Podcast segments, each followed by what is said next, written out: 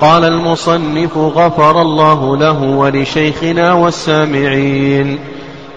ويشير بسباحتها في تشهده ويبسط اليسرى ويقول التحيات لله والصلوات الطيبات. التحيات لله والصلوات والطيبات. السلام عليك أيها النبي ورحمة الله وبركاته. السلام علينا وعلى عباد الله الصالحين. أشهد أن لا إله إلا الله وأشهد أن محمدا عبده ورسوله. هذا التشهد الأول. ثم يقول اللهم صل على محمد وعلى آل محمد كما صليت على آل إبراهيم إنك حميد مجيد. وبارك على محمد وعلى آل محمد كما باركت على آل إبراهيم إنك حميد مجيد. ويستعيذ من عذاب جهنم وعذاب القبر وفتنة المحيا والممات وفتنة المسيح الدجال ويدعو بما ورد ثم يسلم عن يمينه السلام عليكم ورحمة الله وعن يساره كذلك. تكلمنا فيما سلف عن كيفية وضع اليدين في التشهد. وأيضا ما هي الكيفية المشروعة للتشهد الأول؟ وذكرنا أن هناك صفتين أو أن عندنا صفتين. الصفة الأولى صفة مجزئة وهي كيفما جلس. والصفة الثانية صفة مستحبة وهي الافتراش. والافتراش هو أن ينصب رجله اليمنى ويجعل أطراف أصابعه تجاه القبلة. وأما بالنسبة لرجله اليسرى فإنها تكون مفروشة بمعنى أن ظهرها يكون إلى الأرض ويجلس على بطنها. هذا الافتراش وهو الأصل في جلسات الصلاة.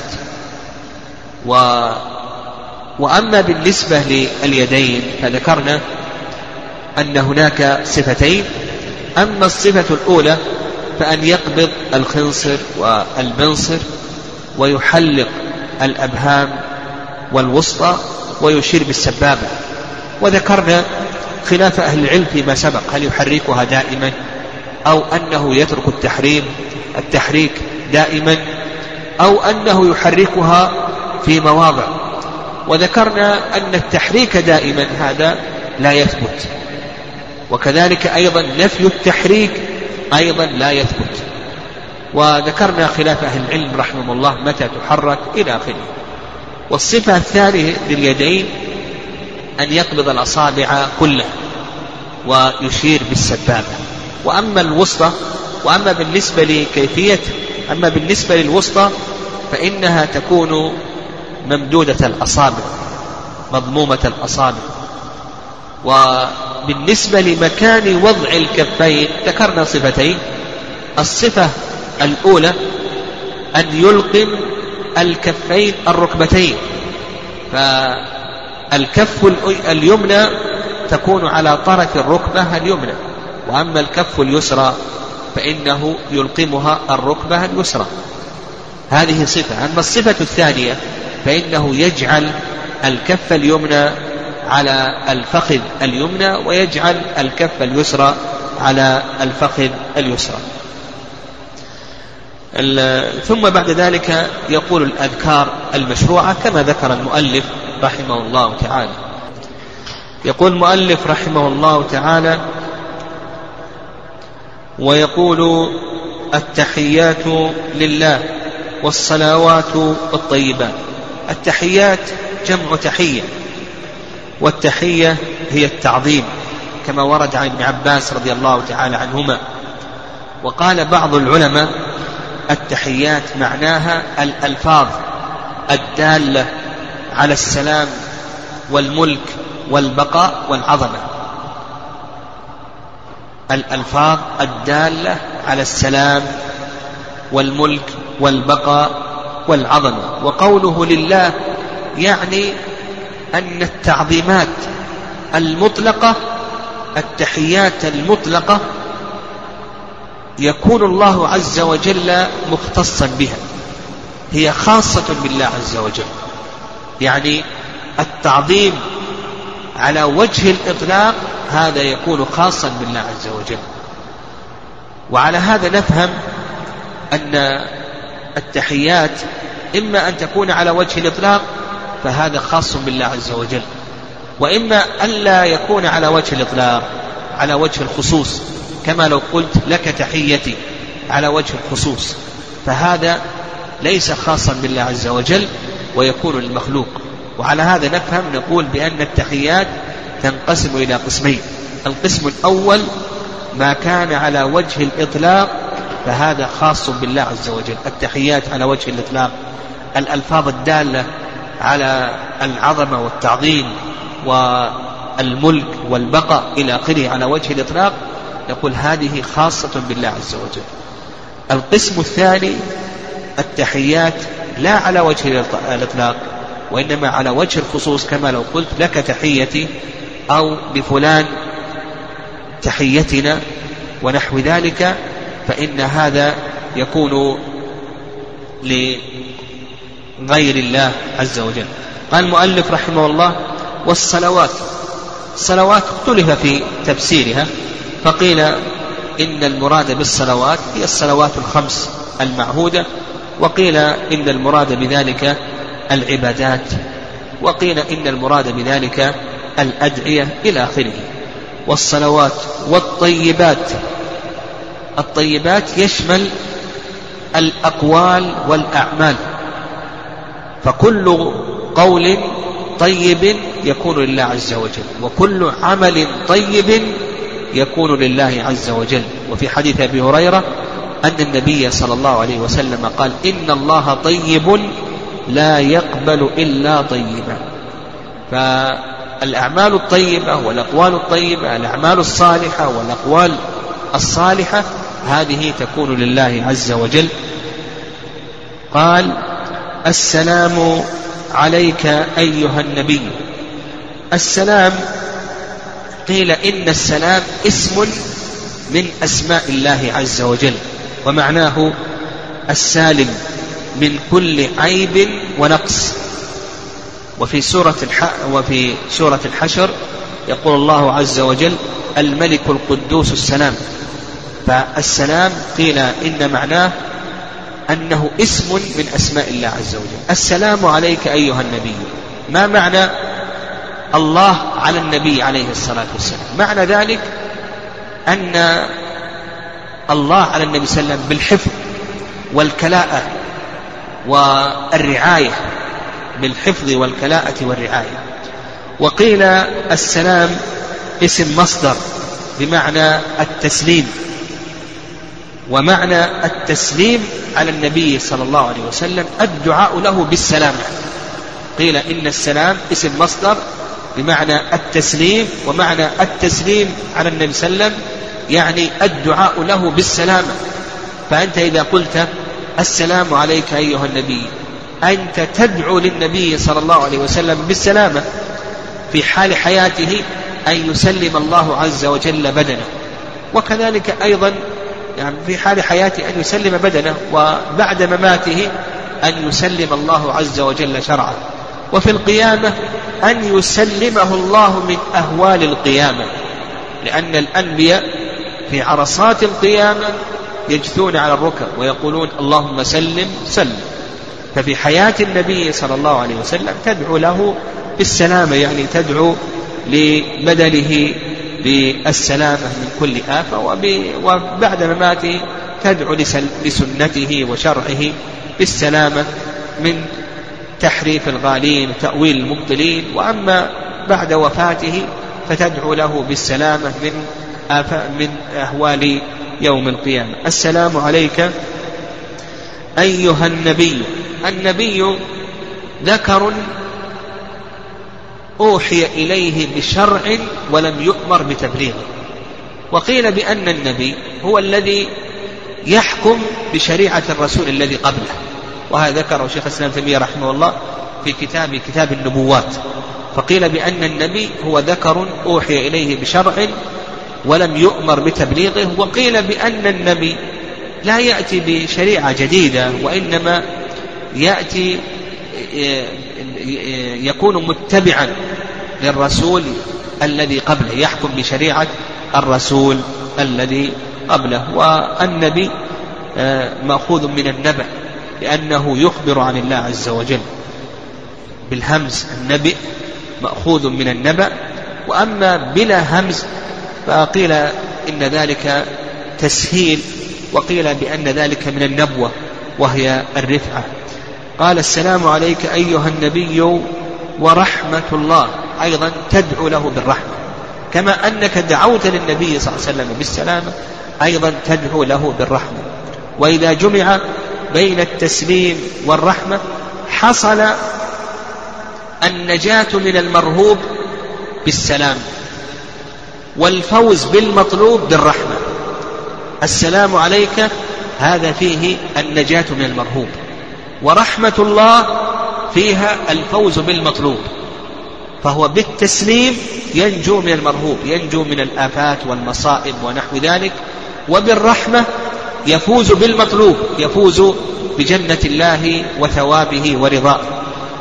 وبركاته أيضا دعاء للنبي صلى الله عليه وسلم بأن يطرح الله عز وجل فيه وفي دعوته البركة.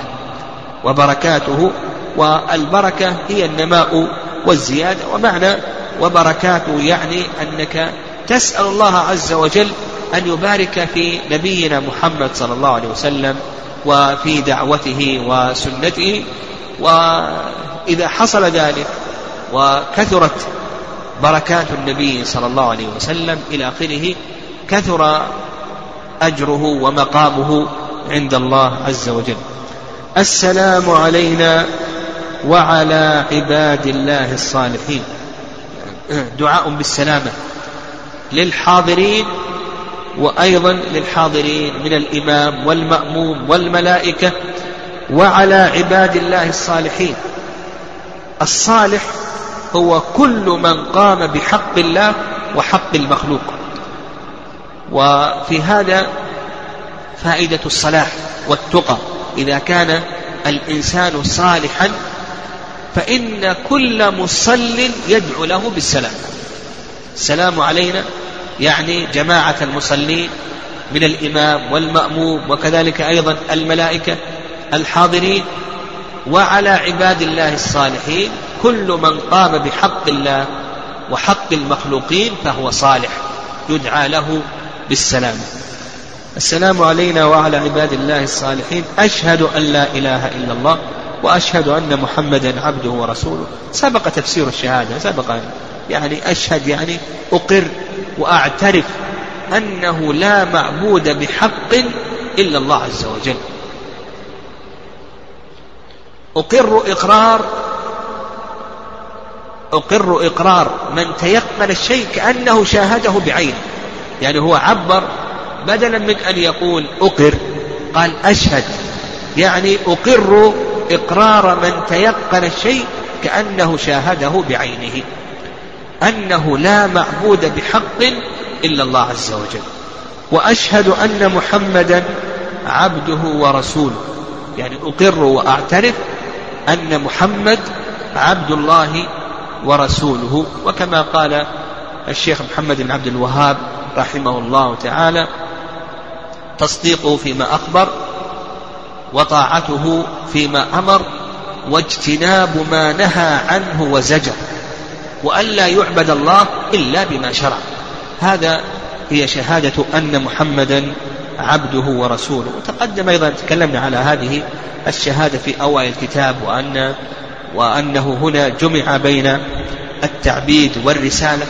ففي هذا رد على من يجفو في حق النبي صلى الله عليه وسلم ورد أيضا على من يغلو في حق النبي صلى الله عليه وسلم. فقوله عبده هذا رد على غلاة الصوفية والخرافية والقبوريين الذين يغلون في النبي صلى الله عليه وسلم ويرفعونه فوق مرتبته. وقوله رسوله رد على من جفى في حق النبي صلى الله عليه وسلم فأنكر رسالته أو أنكر عموم رسالته كاليهود ومشرك العرب إلى آخره. قال المؤلف رحمه الله هذا التشهد الأول يعني هذا هو التشهد الأول الذي يجب على كل مصل أن يأتي به. ودليل ذلك حديث ابن مسعود رضي الله تعالى عنه كما في الصحيحين. قال ثم يقول ثم يقول يعني في التشهد الأخير يعني ثم يقول في التشهد الأخير و يقول المؤلف رحمه الله تعالى ثم يقول اللهم صل على محمد إلى آخره. هذا في التشهد الأخير. وأما التشهد الأول هل يصلي على النبي صلى الله عليه وسلم؟ في التشهد الأول أو أنه لا يصلي على النبي صلى الله عليه وسلم في التشهد الأول. العلماء رحمهم الله تعالى في ذلك رأيان. المشهور من مذهب الإمام أحمد أنه لا يصلي على النبي صلى الله عليه وسلم في التشهد الأول.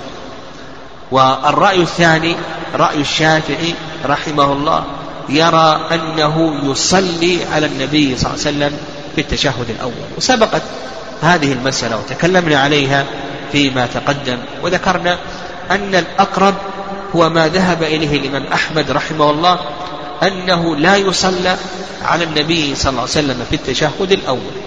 لكن المأموم يكون تبع إمامه فإذا لم ينهض الإمام فإنه إذا انتهى من التشهد فإنه يصلي على النبي صلى الله عليه وسلم ولا يسكت لأن الصلاة كما قال النبي صلى الله عليه وسلم إن صلاتنا هذه لا يصلح فيها شيء من كلام الآدميين إنما هو التكبير والتسبيح وقراءة القرآن. فحصر النبي صلى الله عليه وسلم الصلاة بهذه الأشياء. فنقول النبي صلى الله عليه وسلم هل يصلى عليه أو لا يصلى عليه؟ للعلماء رحمه الله في ذلك رأيان وأنه لا يصلى على النبي عليه الصلاة والسلام في التشهد الأول كما هو مذهب الإمام أحمد رحمه الله تعالى. لكن إذا انتهى المأموم من تشهده والإمام لا ينهض فإنه يصلي على النبي عليه الصلاة والسلام. قال ثم يقول اللهم معنى اللهم معناها يا الله صل على محمد وعلى آل محمد. الصلاة هذه تقدم أن ذكرنا تفسيرها. وقلنا بأن معنى صل على محمد أقرب شيء ما ذكره البخاري رحمه الله عن أبي العالية وأن معنى ذلك معنى الصلاة على محمد هو الثناء عليه في الملأ الأعلى. فإذا قلت اللهم صل على محمد أنت تدعو أن الله عز وجل يثني على عبده في الملأ الأعلى عند الملائكة المقربين. كأنك تقول يا الله أثني على عبدك محمد صلى الله عليه وسلم عند الملائكة المقربين. أيضا آل محمد سبق أن ذكرنا ذلك وقلنا إن الصواب في تفسير آل النبي صلى الله عليه وسلم أنه يختلف باختلاف السياقات. فإذا أفرد الآل قيل اللهم صل على محمد فالمراد بذلك أتباعه على دينه. وإذا جمع مع الآل غيرهم كما لو قيل اللهم صل على محمد وصحابته وأتباعه فإن المراد بذلك المؤمنون من أقاربه. فآل النبي صلى الله عليه وسلم تفسير آل النبي صلى الله عليه وسلم يقول بأنه يختلف باختلاف السياقات. فإذا قيل اللهم صل على محمد اللهم صل على محمد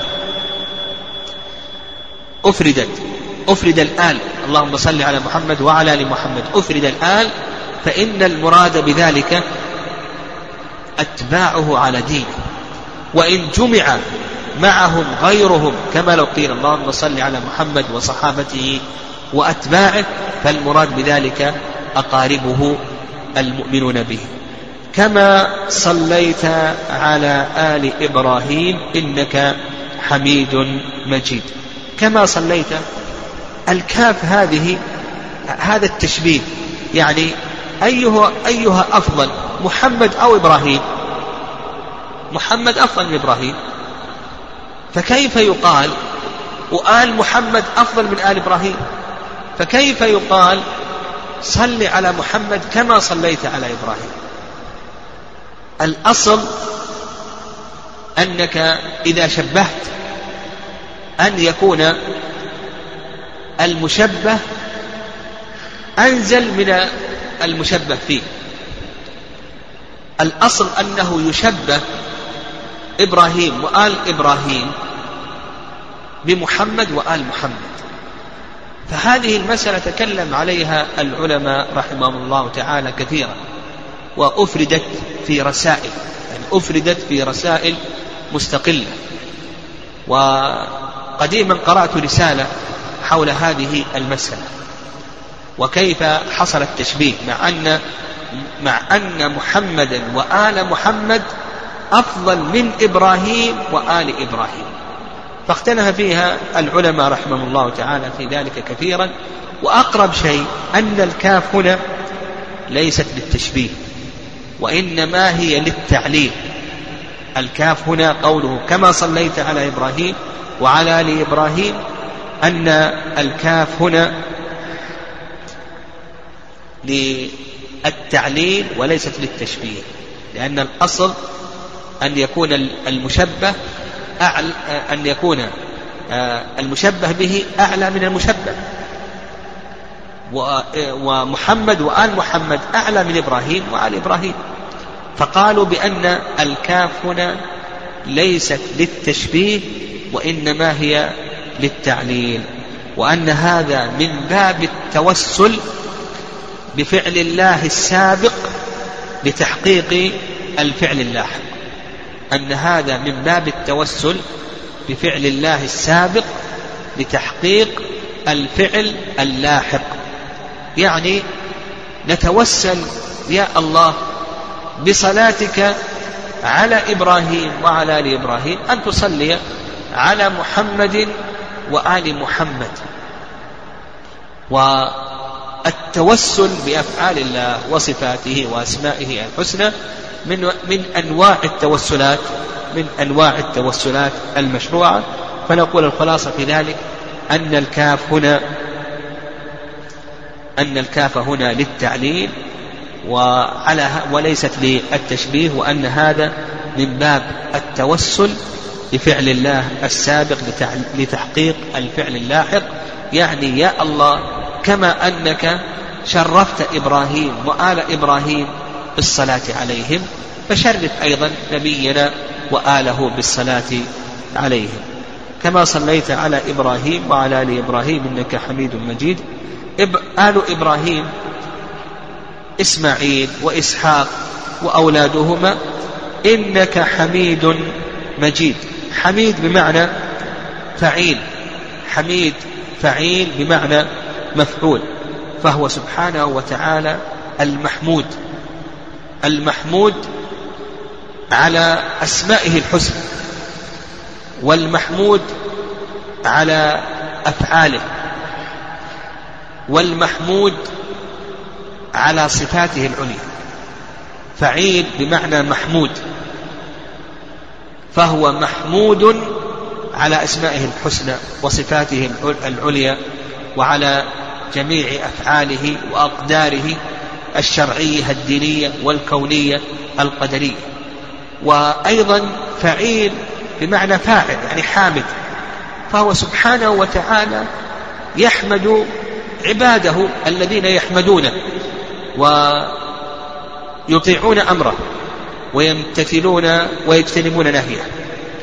حميد أيضا بمعنى حامد فهو سبحانه وتعالى يحمد أفعال عباده الذين يمتثلون أوامره ويجتنبون نواهيه. سمع الله لمن حمده يعني استجاب الله لمن حمده. قال إنك حميد مجيد. مجيد أيضا فعيل ذو المجد أي العظمة. فهو سبحانه وتعالى لا أعظم منه في ذاته ولا أعظم منه في أسمائه ولا صفاته. وبارك على محمد وعلى آل محمد كما باركت على آل إبراهيم إنك حميد مجيد. البركة بمعنى الثبوت واللزوم. والاستقرار وقوله بارك يعني أحل البركة يا الله. يعني أحل البركة يا الله في محمد وآل محمد بالنماء والكثرة والنماء والكثرة والتطهير ونحو ذلك. أحل البركة في محمد وآل محمد كما أحللت البركة في إبراهيم وآل إبراهيم إنك حميد مجيد. يعني أحل البركة في محمد وآل محمد في الكثرة والنماء وكثرة الأتباع ونحو ذلك آه، مما يطرحه الله عز وجل ويبارك فيه. إنك حميد مجيد. قال ويستعيذ بالله من أربع. هو ذكر المؤلف رحمه الله تعالى التشهد ثم ذكر الصلاة على النبي صلى الله عليه وسلم.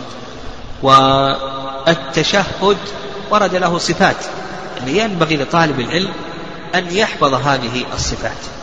وكذلك أيضا الصلاة على النبي صلى الله عليه وسلم ورد لها صفات أيضا ينبغي لطالب العلم أن يحفظ شيئا من هذه الصفات. فهناك تشهد ابن مسعود كما ذكر المؤلف رحمه الله. هناك تشهد أبي موسى هناك تشهد ابن عباس هناك تشهد عمر رضي الله تعالى عنه. كذلك أيضا آه، الصلاة على النبي صلى الله عليه وسلم ورد لها صيغ هناك صلاة كعب بن عجرة كما آه، ثبت ذلك في صحيح البخاري. وكذلك أيضا حديث أبي مسعود البدري. وكذلك أيضا حديث أبي حميد حديث أبي سعيد حديث أبي هريرة حديث طلحة إلى آخره. هذه صيغ من أنواع الصلاة على النبي صلى الله عليه وسلم. سبق أن أشرنا إلى كلام شيخ الإسلام تيمية رحمه الله فيما يتعلق بالعبادات التي وردت على وجوه متنوعة. وذكرنا أن العلماء رحمهم الله لهم في ذلك مسلكان. المسلك الأول مسلك الترجيح كما يذهب إليه كثير من الأئمة. فمثلا عندك التشهد. الشافعي رحمه الله يختار تشهد ابن عباس. التحيات والمباركات والصلوات الطيبات لله. الإمام أحمد وأبو حنيفة يختار يختاران تشهد ابن مسعود. تحيات لله والصلوات والطيبات. السلام عليك أيها النبي ورحمة الله وبركاته. إلى آخره. كما تقدم لنا في الاستفتاحات. الإمام أحمد يختار تشهد استفتاح أبي سعيد. سبحانك اللهم ربنا وبحمدك. تبارك اسمك وتعالى جدك ولا إله غيرك. الشافعي يختار استفتاح أبي هريرة. اللهم باعد بيني وبين خطاياي كما بعدت بين المشرق والمغرب. إلى آخره. المهم نجد أن كثيرا من الأئمة وأتباع الأئمة يسلكون مسلك الترجيح. والرأي الثاني اختيار شيخ الإسلام تيمية رحمه الله أنه يسلك مسلك الجمع وأن ال ال أنه ينبغي للمسلم يستحب للمسلم أن ينوع بين هذه الصيغ وتارة يأتي بهذه الصيغة وتارة يأتي بهذه الصيغة. وإن شاء الله لعل أحد الطلبة يجمع لنا مثل هذه الاستفتاحات. موجودة زين خلاص. تعال إن شاء الله نصورها. يعني مثل هذه الصيغ. يعني العبادة اللي ورد على وجوه متنوعة. سبق أن جمعناها وصورناها للطلبة. أيضا سنقوم إن شاء الله بتصوير وتوزيعها لكي تحفظ كي يحفظها الطالب وأيضا يكررها. لأن الإنسان إذا كررها في صلاته يجعل الصلاة حية أولا يحفظ العلم ثانيا يعمل بالسنة كلها وأيضا يجعل العبادة أقرب ما تكون إلى أن تكون عبادة بخلاف ما إذا آه، داوم على صيغة واحدة فإنها تكون أقرب أو آه، تكون قريبة من العادة بحيث أن الخشوع لا يكون فيها كما يكون فيما إذا خالف بين هذه الأنواع. قال المؤلف ويستعيذ من عذاب جهنم وعذاب القبر وفتنة المحيا والممات وفتنة المسيح الدجال. هذه الاستعاذة بالله من هذه الأربع. جمهور العلماء على أن هذا مستحب وليس واجبا. هذا ما عليه جماهير العلماء رحمهم الله تعالى. واستدلوا على ذلك بحديث ابن مسعود رضي الله تعالى عنه. فإن النبي صلى الله عليه وسلم لما ذكر التشهد أو علمه التشهد قال ثم ليتخير من الدعاء أعجبه. قال ثم ليتخير من الدعاء أعجبه. مما يدل على أن هذه الأربع لا تتعين. الرأي الثاني أن الاستعاذة بالله من هذه الأربع أنه واجب. وهذا ذهب إليه طاووس رحمه الله تعالى وهو رواية عن الإمام أحمد رحمه الله تعالى. طاووس ذهب إلى الوجوب وهو رواية عن الإمام أحمد رحمه الله وقال به ابن حزم من الظاهرية واستدلوا على ذلك بظاهر الأمر ففي صحيح مسلم الأمر بالاستعاذة بالله من هذه الأربعة وفي الصحيحين من فعل النبي صلى الله عليه وسلم وليس من أمره والأقرب في هذه المسألة أن الاستعاذة بالله من هذه الأربع أنه آه، ليس واجبا وإنما هو نعم أن هذا ليس واجبا وإنما هو مستحب لوجود الصارف كما في حديث ابن مسعود رضي الله تعالى عنه. قال ويستعيذ بالله من الأربع من عذاب جهنم. جهنم علم على النار التي أعدها الله عز وجل لأعدائه للكافرين. وعذاب القبر. القبر مدفن الميت. وفتنة المحيا والممات. فتنة المحيا والممات. أما فتنة المحيا فهي ما يكون من فتن الشبهات والشهوات. فتن الشبهات وفتن الشهوات. وأما فتنة الممات فهي سؤال الملكين. يعني فتنة الممات تشتمل أولا على سؤال الملكين حينما يوضع الميت في قبره فإنه يأتيه ملكان ويسألانه عن ربه وعن دينه وعن نبيه.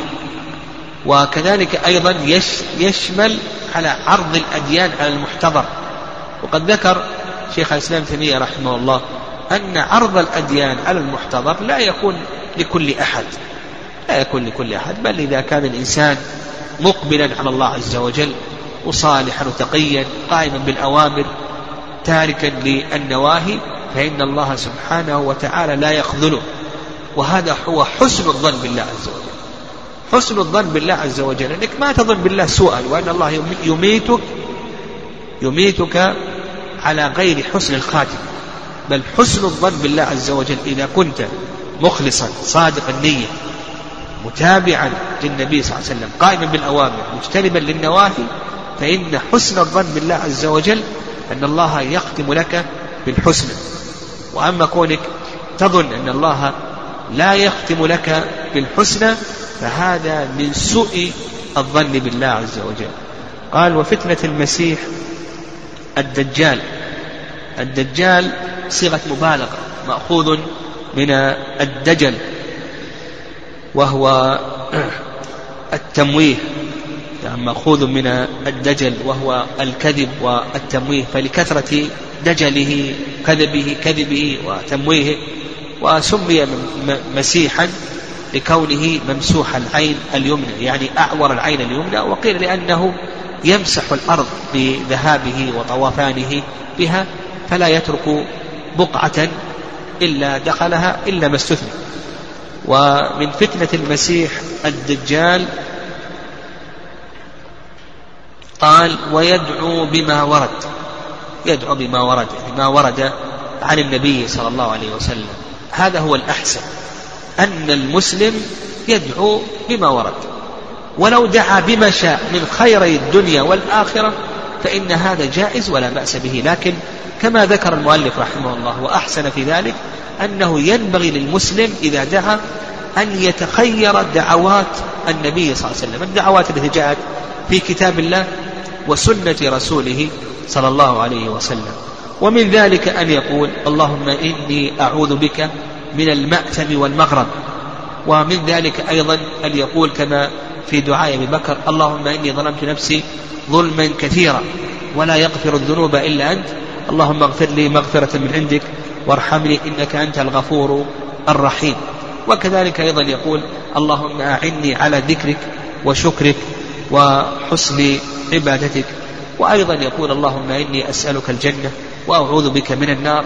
هذه كلها أدعية واردة عن النبي صلى الله عليه وسلم. قال ثم يسلم. يعني يسلم وهو جالس قبل أن يقوم. والسلام كما سيأتينا إن شاء الله ركن من أركان الصلاة. ركن من أركان الصلاة. والمشهور من مذهب الإمام أحمد رحمه الله أن كلا التسليمتين ركن في الفرض. يعني في الفرض لا بد من التسليمتين بخلاف ما ذهب إليه جمهور العلماء رحمهم الله تعالى. وأما النفل أما النفل فيكتفى بتسليمة واحدة الفرض هو التسليمة الأولى. وأما التسليمة الثانية فمستحبة كما جاء في حديث عائشة وابن عمر رضي الله تعالى عنهم قال ثم يسلم ويدل لذلك حديث علي رضي الله تعالى عنه أنه قال قال النبي صلى الله عليه وسلم وتحليلها التسليم وتقدم لنا أن هذا الحديث في الترمذي وغيره وأن إسناده حسن. قال عن يمينه السلام عليكم ورحمة الله وعن يساره كذلك. التسليم تحته مباحث. المبحث الأول المبحث الأول معنى السلام عليك السلام عليكم ورحمة الله. هذا تقدم تفسيره ذكرنا معنى السلام. وذكرنا قيل قال بعض العلماء إن السلام هو اسم من أسماء الله إلى آخره وقيل بأن التسليم اسم مصدر. يعني اسم مصدر. السلام اسم مصدر بمعنى التسليم يعني الدعاء بالسلامة إلى آخره. آه المبحث الثاني حكم التسليم. التسليم كما سيأتينا الراجح في ذلك أن التسليم ركن.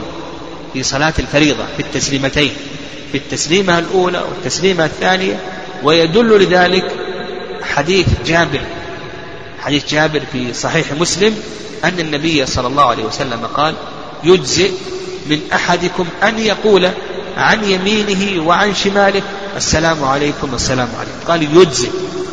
ودون الإجزاء لا تقع به الكفاية. وأيضا مداومة النبي صلى الله عليه وسلم على ذلك. فإن النبي صلى الله عليه وسلم داوم على التسليم وداوم عليه آه، على تسليمتين داوم عليه الصحابة رضي الله تعالى عنهم فالصواب خلافا لما عليه أكثر العلم ما ذهب إليه الحنابلة من أن التسليم أن التسليمتين ركن أو أن كل منهما ركن في الفرض. أما التطوع فإن الركن هي التسليمة الأولى. وسيأتي إن شاء الله طيب المبحث الثالث قال لك المؤلف السلام عليكم ورحمة الله. يؤخذ من ذلك أنه لا يزيد وبركاته وأنه لا ينقص عن قوله السلام عليكم ورحمة الله. أما زيادة وبركاته يعني أما زيادة فهذه موضع خلاف. والمشهور من مذهب الإمام أحمد أنه لو زادها لا بأس. لو قال السلام عليكم ورحمة الله وبركاته أن هذا لا بأس ويقولون الأولى أنه لا يأتي بها والصواب أن لفظة وبركاته ليست ثابتة وإن كانت وردت في بعض نسخ أبي داود وقال ابن حجر رحمه الله بأن إسنادها صحيح الصواب في ذلك أن هذه اللفظة أنها غير ثابتة عن النبي صلى الله عليه وسلم وعلى هذا نقول ليست ثابتة لا في التسليمة الأولى ولا في التسليمتين جميعا. فالصواب في ذلك أنها غير ثابتة والثابت من صيغ التسليم ما ذكره المؤلف رحمه الله وهو الذي دل له حيث ابن مسعود السلام عليكم ورحمة الله.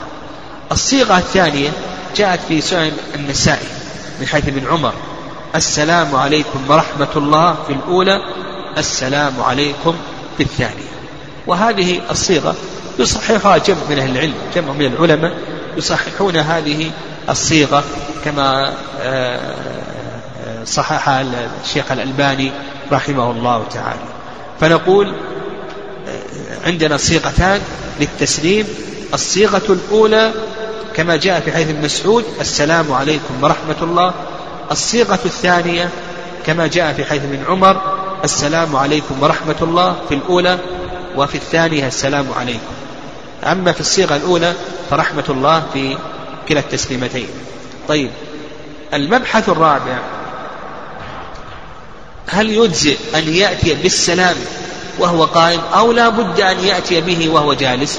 يقول لا بد أن يأتي به وهو جالس لأن هذا هو هدي النبي صلى الله عليه وسلم ولأن الصلاة لم تنتهي بعد. المبحث الخامس على من يسلم؟ قوله السلام عليكم. نقول إن كان مع الجماعة فإنه يسلم على المأمومين وعلى الإمام وعلى الملائكة. إذا كان مع جماعة يصلي في المسجد وقلت السلام عليكم إلى آخره السلام عليكم ورحمة الله فأنت تسلم على من معك من الإمام والمأمومين والملائكة. وإذا كان الشخص يصلي لوحده منفردا فإنه يصلي يسلم على من معه من الملائكة. هل يجب المبحث السادس والسابع هل يجب رد هذا السلام؟ أو نقول بأن هذا السلام لا يجب رده. نقول هذا السلام لا يجب رده. ويكتفى بتسليم المأمومين بعضهم على بعض عن الرد. العلماء يقولون بأنه يكتفى فأنت تقول السلام عليكم ورحمة الله. وأيضا من بجانبك يقول السلام عليكم ورحمة الله فيكتفى بتسليم المأمومين بعضهم على بعض عن الرد فلا حاجة إلى الرد إلى آخره. المبحث السابع إلى آخره أيضا العلماء رحمهم الله تعالى يقولون يستحب ألا يمد السلام ولا يطوله بل يقول السلام عليكم ورحمة الله. يعني لا يمد السلام ولا يطوله وكذلك أيضا يلتفت إلى أن يرى خده الأيمن وإلى أن يرى خده الأيسر. المبحث الثامن متى يبدأ بالتسليم؟ يعني متى يبدأ بالتسليم؟ ومتى ينتهي التسليم؟ نقول يبدأ بالتسليم وهو مستقبل قبلة. السلام عليكم ورحمة الله. ثم يرجع. السلام عليكم ورحمة الله. هكذا الذي يدل له حي جابر. يعني جابر بن سمرة يبدأ بالتسليم وهو مستقبل قبلة ثم يلتفت. السلام عليكم ورحمة الله. السلام عليكم ورحمة الله. هذا الذي دل له يجزئ من أحدكم أن يقول من على يمينه وعلى شماله. من على هو مستقبل قبلة. من على يمينه يبدأ وهو مستقبل ثم ينحرف. أما كون فعل, فعل بعض الناس السلام عليكم ورحمة الله. السلام عليكم ورحمة الله. يسلم. الثانية وهو على يمين على يمينه يقول هذا خطأ. أو أنه يسلم ثم يلتفت هذا خطأ. السلام عليكم ورحمة الله. يلتفت. لا. بل مع بداية التسليم يلتفت. هذا الذي يدل له ظاهر حديث جابر رضي الله تعالى عنه.